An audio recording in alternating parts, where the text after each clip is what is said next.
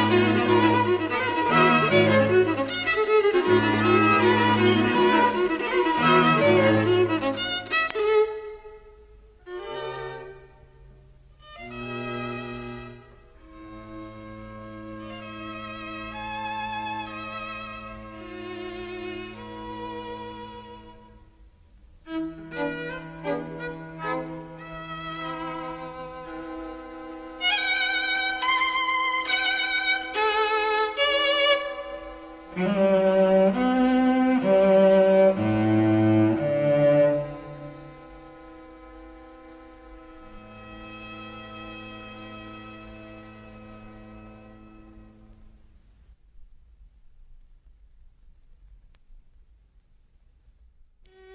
smo deo prvog i drugi stav prvog gudačkog kvarteta Leoša Janačeka u izvođenju kvarteta Janaček iz 1966. godine.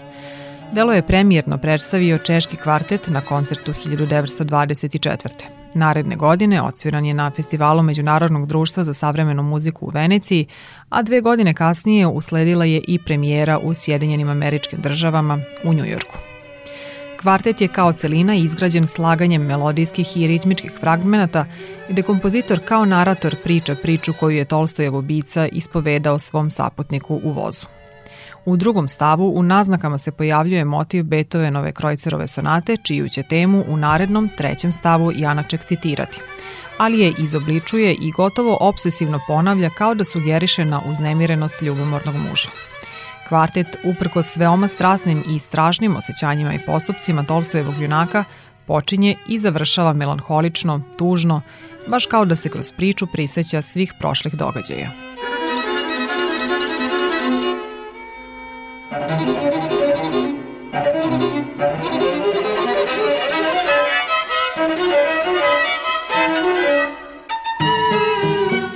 Za razliku od prvog, drugi Janačekov kvartet autobiografskog je karaktera.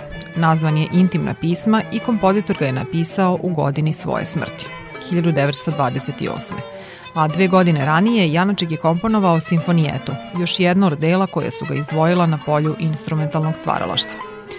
U Simfonijeti mi je uspelo da se najtešnje približi misli običnog češkog čoveka. Tim putem bih hteo i dalje da idem, izjavio je kompozitor. Povod za komponovanje bile su svečane fanfare naručene za Sokolski slet u Pragu i izraz zahvalnosti i ponosa zbog obeležavanja prvih godina nezavisne Čehoslovačke.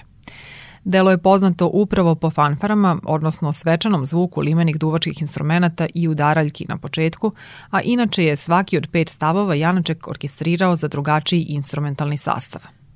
Prva dva stava slušamo u izvođenju Češke filharmonije pod upravom maestra Jiržija Belohlaveka.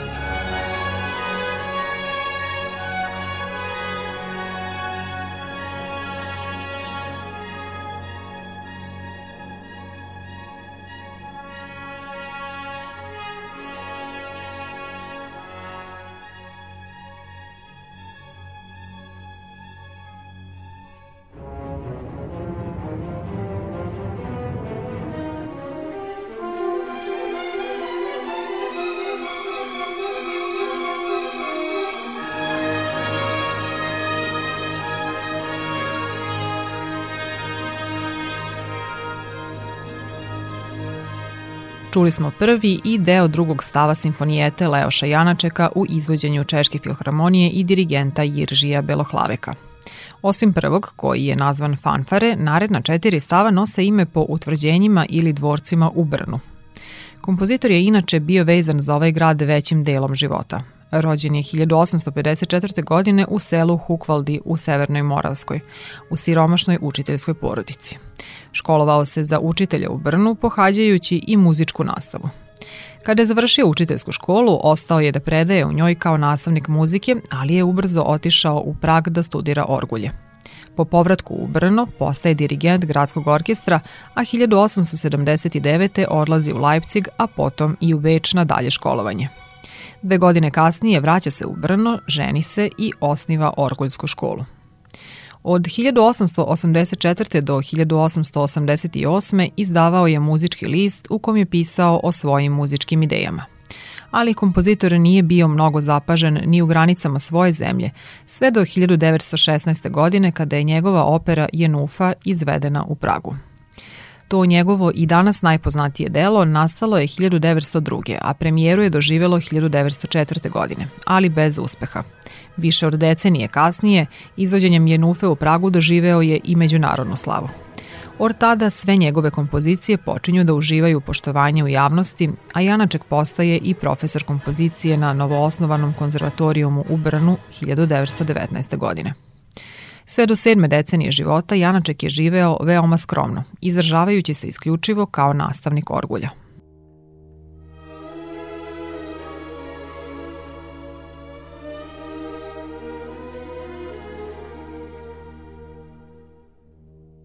Prvenstveno operskog i vokalnog kompozitora večera smo predstavili i kao veoma darovitog stvaraoca instrumentalne muzike – Osim kompozicija koje smo slušali u prethodnom delu emisije, ističu se i laški plesovi za orkestar, orkestarska rapsodija Taras Buljba, končertino za klavir i kamerni sastav, kapričo za klavir i sedam instrumenta, sonata za violino i klavir, svita mladost za šest duvačkih instrumenta, kao i klavirske obrade narodnih igara.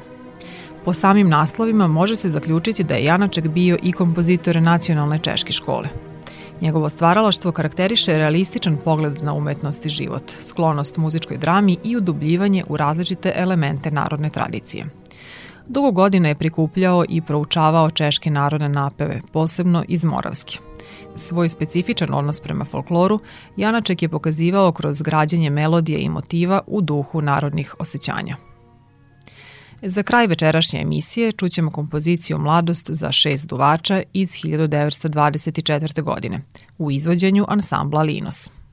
Do narednog slušanja pozdravljaju vas tonski realizator Milan Granić i Jovana Golubović.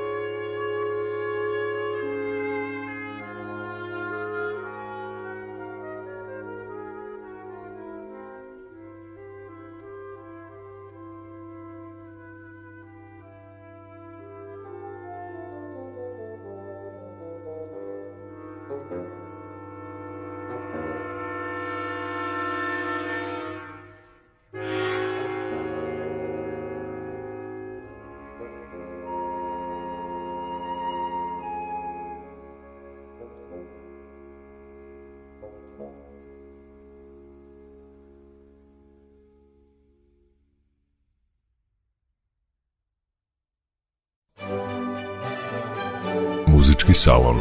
Mesto susreta sa umetničkom muzikom. Muzički salon. Priče o klasičnoj muzici. Muzički salon.